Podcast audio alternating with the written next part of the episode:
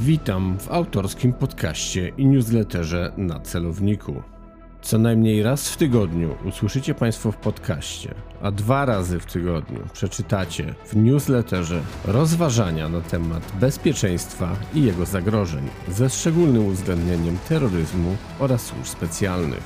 Bezpośrednio na Wasze skrzynki e-mail trafi przegląd mediów wraz z autorskim komentarzem.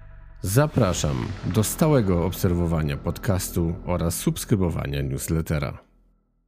Kieruj się w stronę podcastu na celowniku. Przy mikrofonie Artur Dubiel, Wyższa Szkoła Bankowa. Dzisiaj moim Państwa gościem w podcaście na celowniku jest dr Stanisław Niewiński. Witam Stanisławie ponownie. Cześć Arturze, miło Cię słyszeć. Dzień dobry Państwu. Celowo powiedziałem ponownie, bo spotykamy się ze Stanisławem po niecałym miesiącu od naszej poprzedniej rozmowy, bo w 73 odcinku rozmawialiśmy jeszcze przed pewnymi wydarzeniami, które dopiero co miały miejsce i o nich dzisiaj chciałbym, abyśmy roz, porozmawiali, bo na to też się umawialiśmy. Przypomnę tylko, dr Stanisław Niewiński, koordynator Regionalnego Ośrodka Debaty Międzynarodowej w Opolu, związany także z Kolegium Nobilium Opoliense, Uniwersytetem Opolskim oraz magazynem Układ Sił. Jeszcze raz Stanisławie, dzień dobry. Witaj Arturze. Szanowni Państwo, szanowny Stanisławie, rozmawialiśmy niejednokrotnie. Zdaje się, że właśnie już chyba szósty raz nawet się spotykamy. Naszym wątkiem przewodnim jest taki podmiot w stosunkach międzynarodowych jak Chiny, podmiot wybitnie interesujący, stwarzający tradycyjnie i szanse, i zagrożenia. Ale Poprzednio rozmawialiśmy, właściwie dwie rozmowy też były przed i po zjeździe Komunistycznej Partii Chin. Tam dochodziło oczywiście do pewnych decyzji. Oczywiście chodzi o XI. Zastanawialiśmy się wcześniej, jak to będzie, potem, co to wszystko oznacza, co się zmienia. No ale teraz te ciało parlamentarne czy około parlamentarne, a za chwilę chciałbym, żebyś to też trochę rozwinął, bo myślę, że to może być interesujące dla naszych słuchaczy, bo nie każdy posiada taką wiedzę, jak to wygląda, jak to się nazywa i jak to funkcjonuje. Dokonało pewnego formalnego wyboru. My byśmy powiedzieli, że po prostu klepnęło pewną decyzję, ale oczywiście formalnie wygląda to trochę inaczej. Więc jeśli możemy, to oddaję Ci głos i chciałbym, chciałbym żebyś to skomentował, powiedział, co tak naprawdę się stało, co to, co to się wydarzyło i co to ewentualnie może dla nas oznaczać. Pomiędzy 5 a 13 e, marca miało miejsce w Chinach coś, co się nazywa dwiema e, sesjami, właściwie połączoną sesją dwóch instytucji o charakterze parlamentarnym, tak to trzeba powiedzieć, ponieważ po pierwsze e, obradowało ogólnochińskie Zgromadzenie Przedstawicieli Ludowych, czyli no instytucja, która formalnie jest parlamentem Chińskiej Republiki Ludowej. Zresztą, jakbyśmy sobie popatrzyli do obowiązującej, przyjętej bodajże w 1982 roku konstytucji HRL, no to tam zapisy tej konstytucji wskazują, że no wręcz to jest najważniejszy organ państwowy. No jak wiemy, w tego typu państwach praktyka często jest inna, nawet zupełnie inna. Natomiast drugą e, instytucją, która też w tym czasie obradowała, razem zresztą z OZPL-em, jest to bardzo ciekawe, można powiedzieć, e, gremium, bo jest to Ludowa Polityczna Konferencja Konsultatywna Chin. No taki też e, organ paraparlamentarny, organ doradczy, który no skupia w swoich szeregach przedstawicieli koncesjonowanych w tym, partii, w tym kraju partii politycznych, działaczy bezpartyjnych, pozarządowych, przedstawicieli organizacji społecznych, religijnych, kulturalnych, przedstawicieli mniejszości etnicznych. A to przepraszam Stanisławie, muszę troszeczkę wejść w zdanie, bo to jest wybitnie tak, tak. też interesujące, chociaż chyba już nadużywam dzisiaj tego słowa. W Chinach mamy też inne partie? Tak, y, mamy inne partie polityczne. Żebym ci nie skłamał, to jest tak zwanych siedem partii demokratycznych. One pełnią podobną rolę, jaką w PRL-u pełniły ZSL i SD. Są koncesjonowane, mogą działać, ale oczywiście są y, całkowicie podporządkowane komunistycznej partii Chin. Jest ich bodajże siedem, o ile się, o ile się nie mylę. Ale jak najbardziej istnieje takie zjawisko. Tam między innymi wśród tych partii jest y, taka koncesjonowana forma Guomindangu, tak? czyli tej partii, z którą komuniści wygrali wojnę domową, która potem przyniosła się na Tajwan, no i do dziś tam, prawda, jest jedną z kluczowych partii politycznych. Wymienia się u władzy z Demokratyczną Partią Postępową. Także że jest taka grupa założona właśnie tam przez no, odszczepieńców, można powiedzieć, z Guomindangu. No jest to na pewno ciekawe. No jest to niezwykle ciekawe. Tak, no i tak. też trzeba dodać, że ta Ludowa Polityczna Konferencja Konsultatywna, e, ona pełniła zresztą rolę normalnego parlamentu w ciągu pierwszych kilku lat istnienia Chińskiej Republiki Ludowej. No i te, dwa, te dwie instytucje obradowały na początku marca. No i na czymś polegały te ich obrady? No przede wszystkim tutaj e, no, musimy się odnieść do wydarzenia związanego zresztą w jakimś sensie z omawianym już przez nas nieraz zjazdem partii komunistycznej jesienią zeszłego roku, ponieważ e, no, w ramach tych obrad parlamentu dokonano oficjalnie wyboru e, najważniejszych urzędników chińskich no przede wszystkim przewodniczącego Chińskiej Republiki Ludowej, e, premiera, ministrów, kierownictwa sądu, Najwyższej Prokuratury Ludowej, no generalnie wszystkich najistotniejszych instytucji dla funkcjonowania Chińskiej Republiki Ludowej. Tutaj pojawiałoby się może takie kolejne pytanie, czy to jest wybór stuprocentowo zgodny z tym, co ustaliła partia, czy czasem gdzieś tam na tej końcówce listy, że tak się wyrażę, co nieco się zmienia, a najważniejsze osoby oczywiście są zatwierdzone. Jak to, jak to tak naprawdę wygląda? Arturze, tutaj nie ma wielkiej niespodzianki. Pomimo tego, że formalnie rzecz biorąc, ogólnochińskie Zgromadzenie Przedstawicieli Ludowych jest kluczową instytucją w życiu politycznym Chińskiej Republiki Ludowej, no, w praktyce ma on rolę przede wszystkim fasadową. Tak? Tutaj nie ma żadnych niespodzianek ten wybór, który został y, dokonany w poprzednim tygodniu, no miał charakter całkowicie wyreżyserowany. Ten, kto miał y, zająć odpowiednie stanowisko, zajął to odpowiednie stanowisko. Wchodząc tu już bardziej w szczegóły. Jesienią zeszłego roku Xi Jinping no, po raz kolejny został y, sekretarzem generalnym Komunistycznej Partii Chin, ale tak jak sobie mm, to już kilkukrotnie mówiliśmy, rola tego najwyższego przywódcy w życiu politycznym Chin polega na tym, że on w swoim ręku sprawuje kilka bardzo ważnych funkcji. Wtedy został ponownie zatwierdzony na stanowisko szefa partii, natomiast w toku właśnie tych dwóch sesji został on ponownie w cudzysłowie wybrany na przewodniczącego HRL, czyli no stanowisko głowy państwa oraz przewodniczącego dwóch centralnych komisji wojskowych, partyjnej i państwowej, chociaż nie wiem szczerze mówiąc, czy partyjnej już może tak, czy na partyjną nie zatwierdzono go już jesienią. To byłoby bardziej logiczne, myślę. No ale to jest, y, można powiedzieć, kwestia y, no całkowicie już, y, można powiedzieć, ustalona wcześniej, tak? Tutaj nie ma żadnej niespodzianki. Te funkcje, które chiński przywódca miał zająć, właściwie kontynuować, bo sprawował je w poprzednich latach, no zostały mu po raz kolejny przez parlament dane. Podobna jest sytuacja, można powiedzieć, w pewnym sensie w wypadku premiera, ponieważ no także myśmy już kilkukrotnie o tym rozmawiali, kto będzie kolejnym premierem Chin. W 2023 roku no ten swój okres kierowania rządem kończy Li Keqiang, no i faktycznie na tym zjeździe można powiedzieć, no pożegnał się z tym stanowiskiem, a nowym premierem został Li Qiang. No, był poważnie brany pod uwagę na objęcie tego stanowiska i tak też się faktycznie stało. Został on nowym premierem y, Chińskiej Republiki Ludowej, także tutaj też nie ma jakiejś niespodzianki. To, co partyjna elita ustaliła, no zostało przez parlament zatwierdzone. Tak? Także to jest tyle, jeśli chodzi o te zmiany, bardzo ważne zmiany o charakterze personalnym, ponieważ mówimy tutaj o obsadzie no, najważniejszych stanowisk państwowych. Celowo wtrąciłem się oczywiście z tym pytaniem, bo nie ukrywam i sam chciałem się dowiedzieć, jak to wygląda. A myślę, że nie obrażą się nasi słuchacze, jak stwierdzę, że pewnie większość z nich też nie do końca wie, jak to wszystko wygląda. Stąd właśnie o tą fasadowość też pytanie, bo bardzo ładnie bym powiedział, że to ująłeś.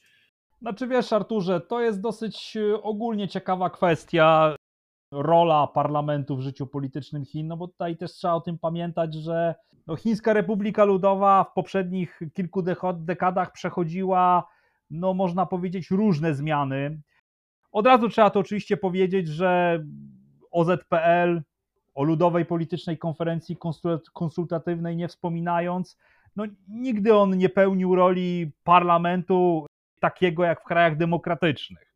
Natomiast w latach 90., na początku lat 2000, kiedy mm, no, te Chiny były rządzone poprzez to tak zwane kolektywne przywództwo, no można powiedzieć, że na pewnych obszarach jakieś elementy autonomiczności jego funkcjonowania można było zaobserwować. No chociażby w tym sensie, że w ramach tego parlamentu funkcjonowały i funkcjonują różnego typu wyspecjalizowane komisje, które zatrudniają no, często wysokiej klasy specjalistów i oni mieli jakiś, można powiedzieć, no, wpływ jednak na rządzenie, na, na rządzenie państwem. Często też wskazywano na to, że ten parlament też no, pełnił taką rolę, można powiedzieć, skrzynki rezonansowej pewnych problemów o charakterze lokalnej, no bo ta jest, tam jest ponad 3000 delegatów z całego kraju, więc poprzez ten parlament ludzi tam trafiających, partia też w jakimś sensie no, e, mogła bardziej zdawać sobie sprawę z pewnych lokalnych problemów. No, to był, można powiedzieć, pewien e, jego klimat polityczny lat 90. i lat 2000. No ale wracając też do tego, o czym często mówimy, po roku 2012, gdy po władzę sięgnął Xi Jinping no i zaczął budować państwo o bardziej centralistycznym, bardziej autorytarnym charakterze, no też tym samym y, ta fasadowość y, OZPL-u jeszcze bardziej się, można powiedzieć, nam uzewnętrzniła, tak? Także tak y, trochę odpowiadając na te twoje pytanie, to jest fasadowa instytucja, choć ta fasadowość też różnie wyglądała na przestrzeni dekad.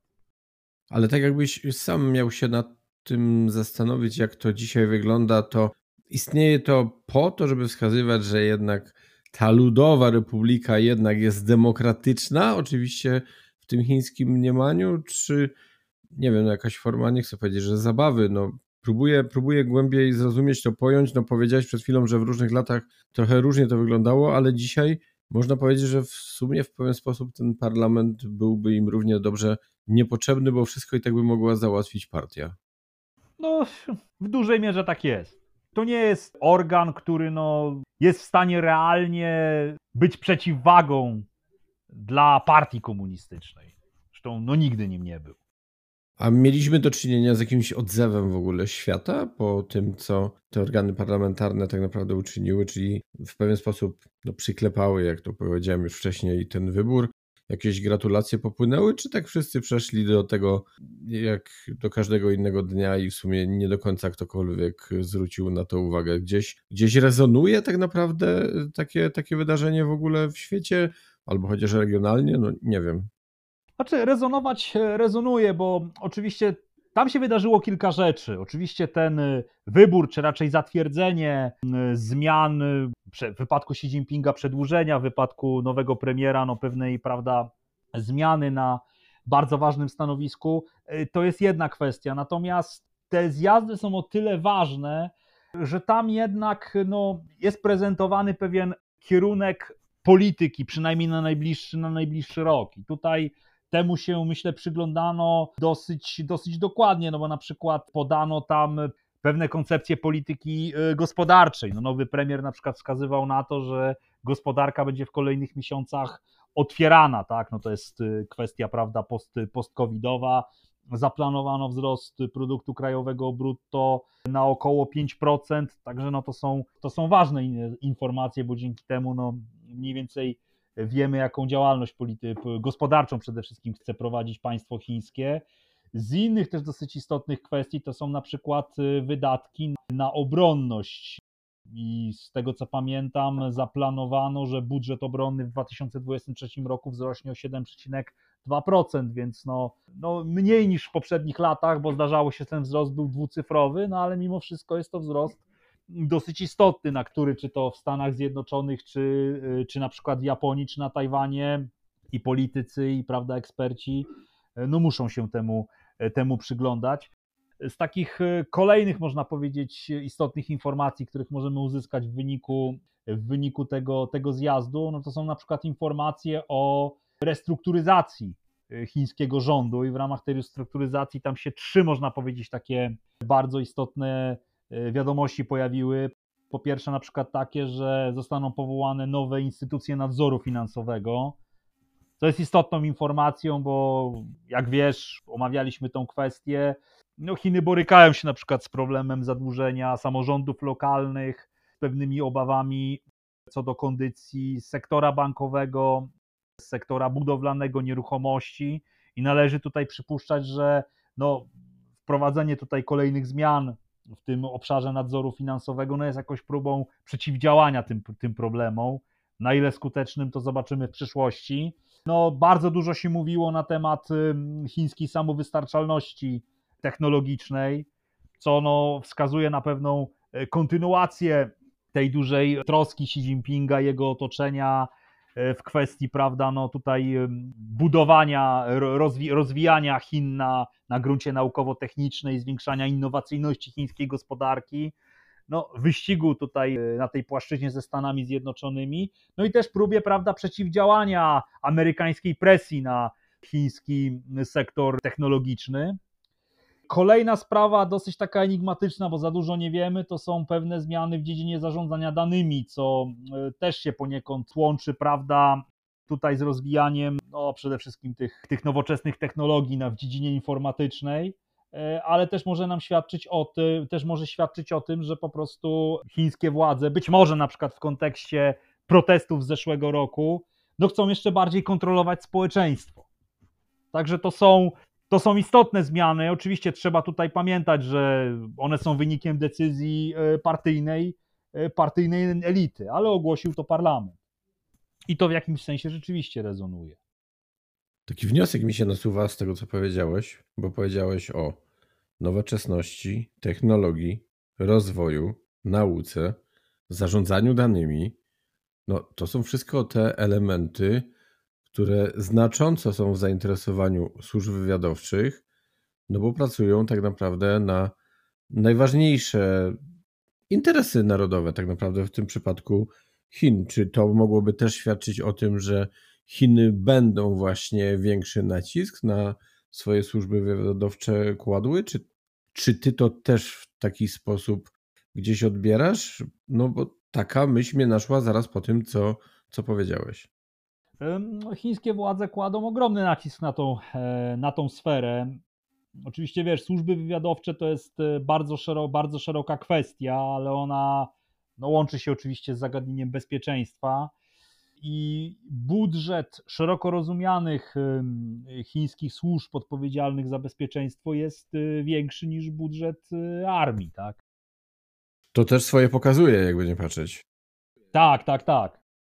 Dobrze, e, Stanisławie, myślę, że możemy do kolejnej części tak naprawdę przejść, bo w poprzednim odcinku trochę rozmawialiśmy o balonie, celowo mówię w liczbie pojedynczej. Kiedy nagrywaliśmy, byliśmy w momencie, kiedy tak naprawdę była mowa dopiero o pierwszym balonie. Zanim odcinek też postprodukcję przeszedł i się pojawił, został upubliczniony, no to pojawiły się już informacje o kolejnych. Pojawiły się balony, pojawiły się jakieś boje, pojawiły się też obiekty, które pod wodą gdzieś były, tak wyławiali coś między innymi i Kanadyjczycy, no to też w sumie nie odcinamy się właściwie od tego, o czym rozmawialiśmy przed chwilą, tylko może wskazywać, że Chińczycy pod tym kątem jakkolwiek tego nie rozumieją, własnego bezpieczeństwa, mocno stawiają i na armię, i na wywiad, chociaż no to co mówisz, że, że służby wywiadowcze ten budżet mają zdecydowanie większy. No i taki Chociaż nie wiem, czy największy problem, ale jednak Tajwan, dla Chin oczywiście.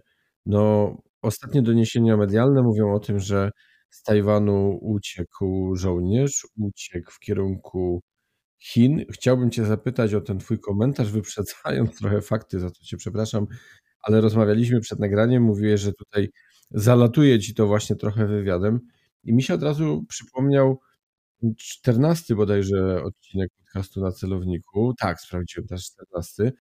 No, będzie rok temu dokładnie. E, robiłem taki solo odcinek o Emilu Czetce i oczywiście tutaj nie wszystkie pewnie porównania będzie można zastosować. Niemniej no, sytuacja na świecie jest taka, a nie inna. Poproszę Cię w takim razie o, o komentarz, co, co Ty na ten temat sądzisz. No ja myślę, że porównanie tutaj z Emilem Czeczko nie jest przypadkowe. Tutaj trzeba powiedzieć, że ucieczki y, żołnierzy Tajwanu, Republiki Chińskiej y, do HRL są rzadkie, aczkolwiek zdarzają się. No, tutaj y, warto szczególnie wspomnieć chyba no najbardziej, znaczy najbardziej, no jeden z najbardziej znanych takich przypadków, czyli ucieczkę w 1979 roku kapitana Armii Republiki Chińskiej Justina Linlifu, który no, potem zrobił karierę akademicką w Chinach. No, w latach 2008-2012 został nawet czołowym ekonomistą Banku Światowego. To jest no, no i właśnie no, z ramienia Chin, ale, ale, ale pochodził on, on z Tajwanu, prawda? E, no, jaka jest tego przyczyna? E, no, tutaj oczywiście my wielu rzeczy nie znamy. No, być, może, być może ten żołnierz miał jakieś kontakty ze służbami e, wywiadowczymi Chińskiej Republiki Ludowej. Może groziło mu zdemaskowanie i dlatego zdecydował się, się na ucieczkę. No, szczegółów nie, nie wiemy i być może ich tak do końca nigdy, nigdy nie poznamy. No ale mamy obaj tak naprawdę te wątpliwości, no bo wydawałoby się, że to wcale nie jest taki oczywisty kierunek, jeśli chodzi o ucieczki. Jasne, nie możemy patrzeć z własnej perspektywy człowieka żyjącego w Europie. Y, musimy popatrzeć tak jak tamten człowiek. Niemniej, no od razu, jeżeli nasuwają się takie wątpliwości, no to też pojawiają się takie wnioski, o których ty mówisz. Jak najbardziej. No mówię, że to jest, no to jest kwestia na tyle zawiła, że trudno nam tak e, no, w, pełni, w pełni to wyjaśnić. No, powiem tak, skoro jakiś żołnierz ucieka na drugą stronę, no to ja w tym widzę pewnego rodzaju podteksty wywiadowcze, tak? ale oczywiście mogę się mylić.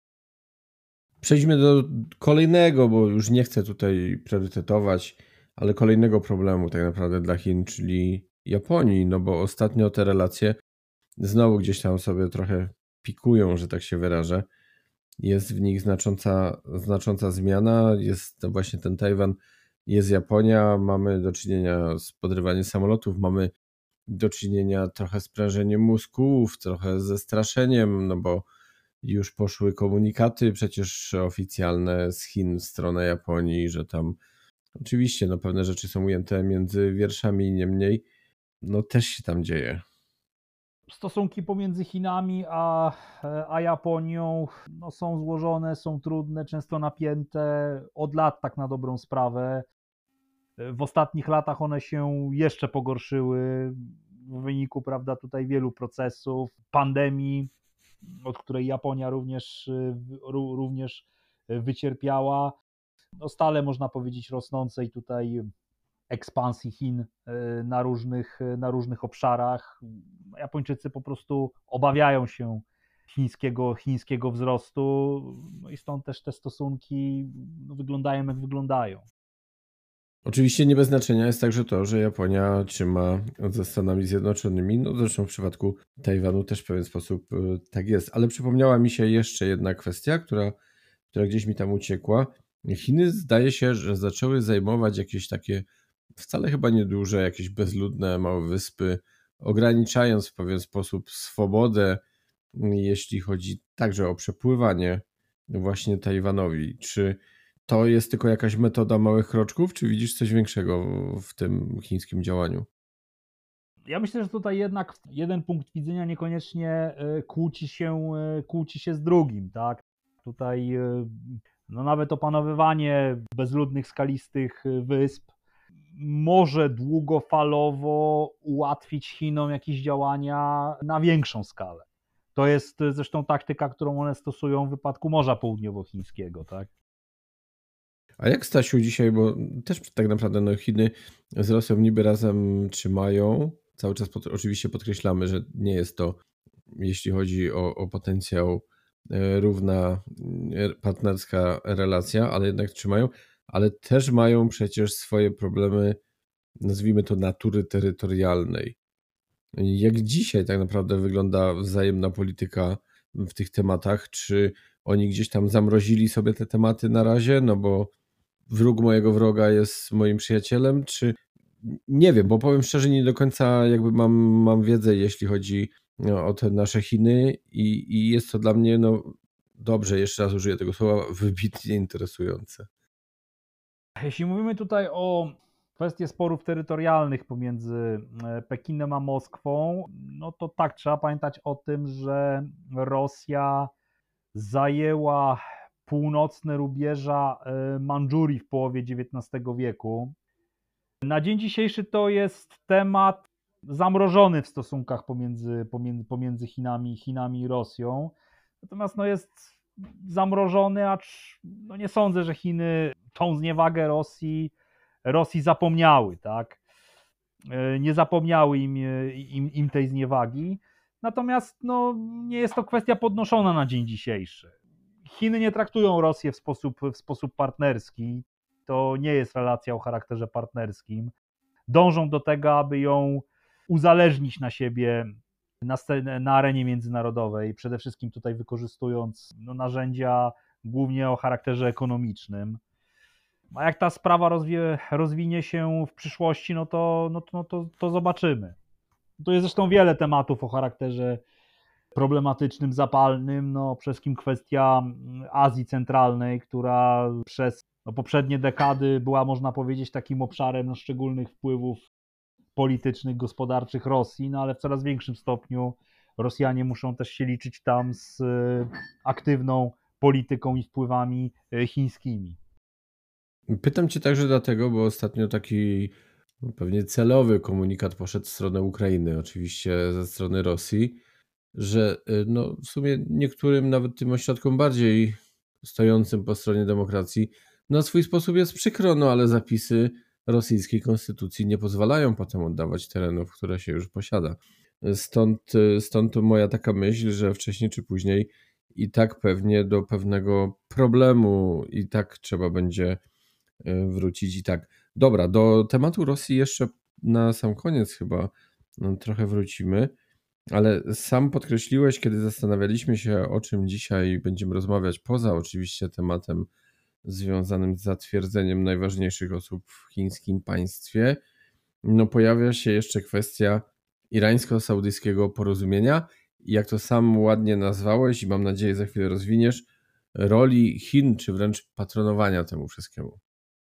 Tak, temu porozumieniu pomiędzy Arabią Saudyjską i Iranem patronowały, e, patronowały Chiny. Jest to więc no, na pewno na płaszczyźnie propagandowej jest to dosyć duży sukces sukces dyplomatyczny Chin.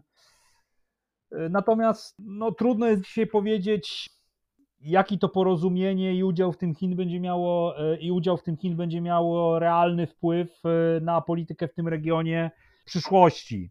Myślę, że można na to patrzeć w sposób e, krótkoterminowy i długoterminowy. No, krótkoterminowo faktycznie relacje pomiędzy tymi dwoma bliskowschodnimi potęgami E, mogą się, e, mogą się ocieplić i Chiny będą z tego czerpały e, dość istotne benefity, przede wszystkim o charakterze ekonomicznym, no bo pamiętajmy, Chiny kupują ropę naftową zarówno od Iranu, jak i od Arabii Saudyjskiej.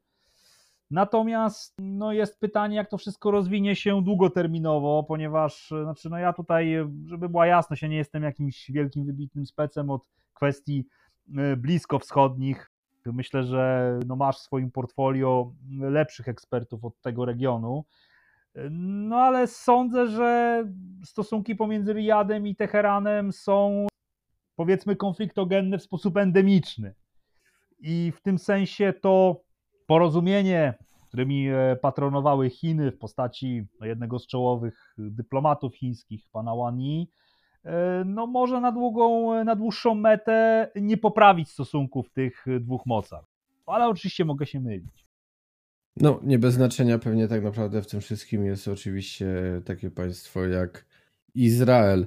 No Izrael, który nie jest z tego zadowolony, o czym warto pamiętać. No, tu przypadków oczywiście nie ma. Chciałbym też zapytać, i to jest ważne również w aspekcie właśnie Rosji, o podróże Xi. I tutaj jeszcze taki mały wtręt. Pamiętajmy o tym, że my nie mówimy sympatii, nie mówimy wcale o imieniu tego pana, tylko w Chinach i jeszcze zdaje się w dwóch tam państwach i regionach w ten sposób najpierw się czyta nazwisko, a potem imię, więc, więc o tym pamiętajmy. My... Tak, tak, to jest tradycyjnie w krajach Dalekiego Wschodu. Chińczycy się tego dosyć konsekwentnie trzymają. No i Zachód to przyjął i oczywiście w ten sposób też te nazwiska tak czytamy mniej czy bardziej poprawnie, zwłaszcza w moim wykonaniu. Ale wracając do, do podróży przewodniczącego Xi. No, dość ciekawe są zapowiedzi, bo mówi się o tym oczywiście, że poleci do Moskwy. Dalej jest mowa, że ma spotkać się z Załęckim. Mhm. Nie ma mowy oczywiście o Kijowie czy jakimś innym miejscu. Gdzieś przeczytałem, że i tak prawdopodobnie odbyło się by to przy pomocy technologii, czyli, czyli, czyli nie spotkanie face to face, a, a, a jednak przez, przez łącze najpewniej internetowe, ale jest też mowa o tym, że być może Xi uda się dalej, dalej, czyli do, do Europy, w kierunku Unii Europejskiej. Moje domysły są takie, że przecież no, Chiny też swoją taką trochę asekuracyjną postawą. No, nie chcą rozdrażniać no już pal licho Stanów Zjednoczonych, ale na pewno Unii Europejskiej. Jest to rynek w pewien sposób, chociaż zwłaszcza ci, którzy siedzą w ekonomii i gospodarce, może do końca się ze mną nie zgodzą, ale jednak wschodzący, wschodzący pod kątem technologii, bo 5G rozwija się bardzo mocno, sztuczna inteligencja po prostu wrzuca już naprawdę nie wiem, który bieg, bo mamy nowe doniesienia o kolejnych czy czatach, czy kolejnych innych rozwiązaniach, łącznie z komputerami też kwantowymi. Sportowcy przecież, weźmy to też pod uwagę, no, zrywają bądź nie przedłużają umów sponsorskich i z firmami, no głównie tymi, które wydają no, mocne, nie, nie ukrywajmy tego, no, telefony, a które, które pochodzą z Chin. Więc coś się dzieje i Chiny pewnie muszą o to zadbać. Ale żebyśmy trochę też nie zrobili sobie bałaganu, jakbyś mógł zacząć od kwestii oczywiście wizyty w Moskwie, no i ewentualnego spotkania z prezydentem Załańskim i, i dalej jeszcze bardziej ewentualnie e, tejże naszej wspomnianej już Europy. No tak, Xi Jinping e, uda się do Moskwy, e, spotka się z Władimirem Putinem, no, nie po raz pierwszy i pewnie nie po raz ostatni. No tutaj sobie o stosunkach rosyjsko-chińskich mówiliśmy w ramach tych naszych spotkań nieraz. No nie jest tutaj specjalną tajemnicą, że w interesie chińskim nie jest przegranie przez Federację Rosyjską wojny, wojny z Ukrainą. Ale pełna wygrana najpewniej Stanisławie też nie. No, to jest dobre pytanie, powiem szczerze. Trudno jest odpowiedzieć na, trudno jest tutaj odpowiedzieć, jaki scenariusz dla Chin byłby najbardziej e, w tym konflikcie e, opłacalny. Na pewno nie jest nim e, klęska Rosji, ponieważ no, jest to jeden z niewielu liczących się aliantów Chin na arenie międzynarodowej. Gdyby to państwo przegrało ten konflikt, y, a szczególnie przegrało w jakiś wyjątkowo upokarzający sposób, to no, Chińczycy obawiają się bardzo takiego scenariusza, w którym mogłoby w tym kraju dojść do jakiegoś przewrotu, do jakiejś rewolucji i na przykład pojawienia się e, na Kremlu władz, które no inaczej by definiowały miejsce Rosji na arenie międzynarodowej niż definiują to E, do tej, e, do tej pory. Tak? No co ja mam na myśli? No mam na myśli na przykład jakieś dołączenie do Zachodu w kontrze przeciwko e, Chinom i ich ekspansji. Także tutaj ten scenariusz no jest, dla, jest dla Chin bardzo, nie, bardzo niekorzystny, no stąd też no, podtrzymywanie tych silnych więzów z Rosją, czego kolejnym elementem jest właśnie wizyta planowana Xi Jinpinga w Moskwie. Natomiast powiedziałeś, że ta polityka jest w jakimś sensie asekuracyjna. No tak, rzeczywiście taka jest. Mogliśmy to zauważyć chociażby w kontekście tego planu pokojowego, który Chińczycy zaprezentowali kilka, ty, kilka, kilka tygodni temu, no, który jest trochę taką strategią, można powiedzieć, na zasadzie Panu Bogu świeczkę i diabłu, diabłu ogarek. No, w tym kontekście mamy też te informacje o e, rozmowie z prezydentem e, Ukrainy, gdzie na pewno Xi Jinping e, no, powie kilka rzeczy, które będą e, brzmiały w miły sposób dla przywódcy Ukrainy, chociażby, chociażby takie, że no, integralność terytorialna jest czymś niepodważalnym, no ale czy za tym pójdą jakieś konkrety, zobaczymy. No ja szczerze mówiąc, no nie wybiegałbym w tym kontekście zbyt daleko. Natomiast czy uda się jeszcze Xi Jinping gdzieś dalej na zachód, do państw Europy Zachodniej, Niemiec albo Francji.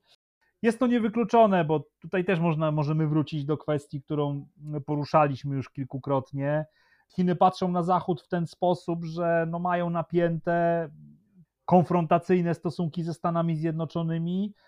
Natomiast w wypadku Unii Europejskiej, no chcieliby, aby to był ten element Zachodu, z którym te stosunki są bardziej stabilne, przede wszystkim na płaszczyźnie e, gospodarczej, tak? E, Chińczycy bardzo się obawiają tego, że czołowe państwa europejskie mogą w jakiejś mierze przyłączyć się do Stanów Zjednoczonych e, w kwestii tutaj na przykład wywierania większej presji na chiński sektor technologiczny. No właśnie, bo o tym też wspomniałem przed chwilą i, i ten sektor wydaje się dla Chin podwójnie wręcz ważny. Raz, no kwestia no po prostu sprzedaży tego sprzętu, no a dwa, no korzystanie, umówmy się, nie tylko z telefonów chińskich, no daje też właśnie duże możliwości, jakie, no znowu wracamy do tematu oczywiście wywiadu, ale tak przed chwilą nie, no to zacząłeś... Jest, to jest kluczowe, tak, no to jest jeden z podstawowych elementów zmian gospodarczych, jakie wdraża ekipa Xi Jinpinga, ta innowacyjność gospodarki, y, sektor nowych technologii no, ma się stać y, po prostu no, jednym z najważniejszych kół zamachowych y, chińskiej gospodarki. To jest plan bardzo ważny. No oczywiście też wracając do rozważań, które tu wielokrotnie mm, ciągnęliśmy, no jest oczywiście pytanie, na ile da się pogodzić innowacyjność technologiczną E, nowe technologie z y, kultem jednostki i coraz bardziej autorytarnym państwem, no ale to jest pytanie na inny odcinek, można powiedzieć. No, w pewien sposób znowu wracamy do tych rozważań dotyczących tak naprawdę polityki i bezpieczeństwa wewnętrznego, jak i polityki i bezpieczeństwa e, zewnętrznego. Ale zacząłeś się przed chwilą też zastanawiać tak naprawdę, jaki scenariusz byłby najlepszy, tak? Dla Chin oczywiście, jeśli chodzi o wojnę. No ja mam wrażenie, że ani pierwszy, ani drugi, a trzeci. Czyli, że tak naprawdę pewne kwestie będą trwały dalej, będą trwały jak najdłużej. Rosji będzie się wydawało, że jest jej to na rękę, ale najbardziej na rękę być może właśnie będzie to Chinom z tej prostej przyczyny, że Rosja w pewnych aspektach jednak dalej będzie słaba, będzie potrzebować zasobów, będzie potrzebować technologii, będzie potrzebować najróżniejszych surowców, które oczywiście no, dziwnym zbiegiem okoliczności będą w stanie dostarczyć kto jak to Chiny. A czy ja się z Tobą zgadzam? Ja nigdy nie twierdziłem, że silna Rosja jest Chiną na rękę. Nie, silna Rosja nie jest Chiną na rękę. Jest, jest im na rękę Rosja, która jest od nich słabsza, najlepiej dużo słabsza. Natomiast, ale ona nie może też być zbyt słaba, tak? Ona się nie może zawalić, tak? Tam nie może dojść do jakichś gwałtownych zmian politycznych, które mogłyby wynieść do władzy jakąś ekipę, która na przykład no, będzie y, ponownie próbowała dogadać się z Zachodem. Wspomniałeś też o przyszłości Rosji o jej poniekąd kształcie i dzisiaj ciekawą rzecz w internecie znalazłem i będę to na pewno zamieszczał w najnowszym wydaniu newslettera na celowniku, do którego subskrypcji oczywiście już Państwa zapraszam i o tym też przeczytacie. No jest mowa, Stanisławie, że pojawił się pomysł nawet na przeniesienie stolicy z Moskwy. No pewnie to wynika to rzekomo oczywiście z kwestii bezpieczeństwa narodowego, ale... A gdzież oni by tą stolicę chcieli przenieść w takim razie? Na step chyba jakiś. Dobra, nie będę złośliwy, nie będę żartował. No to pasowałoby w obecnej sytuacji. Panie doktorze, mała forma podsumowania tego, co się w Chinach ostatnio wydarzyło i czego się spodziewasz do kolejnego naszego odcinka? No, gdybyśmy chcieli podsumować e, to, o czym dzisiaj sobie mówiliśmy e, w kontekście e, polityki chińskiej, to mamy przede wszystkim do czynienia z pewną kontynuacją. Tak? Kontynuacją przede wszystkim w tym sensie, że no, Xi Jinping utrzymał stanowiska, które zajmował, no bo co wiemy zresztą od jesieni zeszłego roku, jest nadal sekretarzem generalnym Komunistycznej Partii Chin, przewodniczącym HRL, czyli głową państwa, oraz sprawuje kontrolę nad wojskiem poprzez stanowisko przewodniczącego Centralnej Komisji Wojskowej. Do tego jeszcze umocnił tą swoją władzę, ponieważ nowy premier e, Li Qiang e, no jest osobą, która w dużej mierze zawdzięcza mu karierę. Do tego nie posiada on stosownego doświadczenia, nie pełnił funkcji na szczeblu centralnym, co będzie skutkowało tym, że będzie szefem rządu y, no, zależnym od najwyższego przywódcy. W żaden sposób nie należy się spodziewać tego, że będzie on jakąś dla niego przeciwwagą, taką jaką przeciwwagą dla Jiang Zemina był Juroni, a dla Hu Jintao Wen Jiabao, czy nawet Li Keqiang, który prawda u schyłku swoich rządów no, wydaje się, że no, próbował jakoś zaznaczać swoją niezależność od, od Xi Jinpinga. W wypadku y, Li Qianga z czymś takim nie będziemy mieli do czynienia, więc no, Xi Jinping będzie miał większą władzę niż miał, niż miał do tej pory. No i dzięki temu będzie mógł prawdopodobnie no, nadal budować państwo o bardziej autorytarnym charakterze i o bardziej e, scentralizowanym charakterze.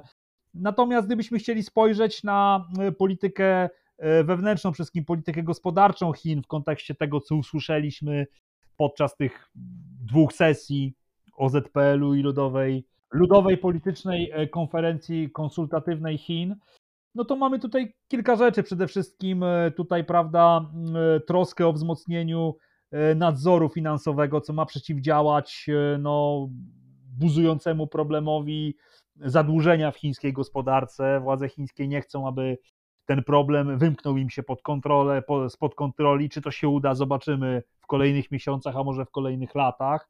No oczywiście będziemy mieli nadal do czynienia z dużą troską o rozwój technologiczny gospodarki chińskiej. Przede wszystkim no, z tego powodu, że tutaj Stany Zjednoczone silnie na Chiny naciskają, wprowadzając e, kolejne sankcje w stosunku do firm big tech chińskich. No i oczywiście no, wzmocnienie nadzoru nad społeczeństwem. To jest, to jest tutaj e, kwestia też tego, o czym mówiliśmy, czyli, czyli właśnie zarządzania danymi, tak? Co należy postrzegać, myślę, jako między innymi też e, pewną reakcję na protesty z zeszłego roku. Także no, są to, można powiedzieć, pewne istotne zmiany, chociaż wpisujące się w coś, co e, widzieliśmy w poprzednich latach. Szanowni Państwo, z doktorem Niewińskim najpewniej niebawem znowu się spotkamy, a dzisiejszy, jak i każdy inny odcinek znajdziecie Państwo w serwisie na celowniku.artur.tel. Zapraszam do komentowania naszej dzisiejszej rozmowy, jak i również zadawania pytań doktorowi Niewińskiemu. No bardzo chętnie. I myślę, że i dokładnie to wszystko, co będziecie Państwo chcieli wiedzieć, to zawrzemy w naszej kolejnej rozmowie, więc w ten sposób zapraszam do pewnej formy interakcji. Dzisiaj moim Państwa gościem w podcaście na celowniku był dr Stanisław Niewiński, koordynator Regionalnego Ośrodka Debaty Międzynarodowej w Opolu, związany także z Kolegium Nobilium Opoliense, Uniwersytetem Opolskim oraz magazynem Układ Sił. Doktorze, bardzo nisko się kłaniam i serdecznie dziękuję. Dziękuję Arturze i polecam się na przyszłość. Bywajcie zdrowi, bywajcie bezpieczni. Kieruj się w stronę podcastu na celowniku. Wszystkie odcinki podcastu na celowniku dostępne są w ponad 20 największych platformach podcastowych, a także w serwisie YouTube. Zapraszam także do subskrybowania newslettera na celowniku pod adresem nacelowniku.artur.tel. Jeśli doceniasz podcast i newsletter na celowniku, zapraszam do wspierania w serwisie Patronite pod adresem patronite.pl ukośnik na celowniku.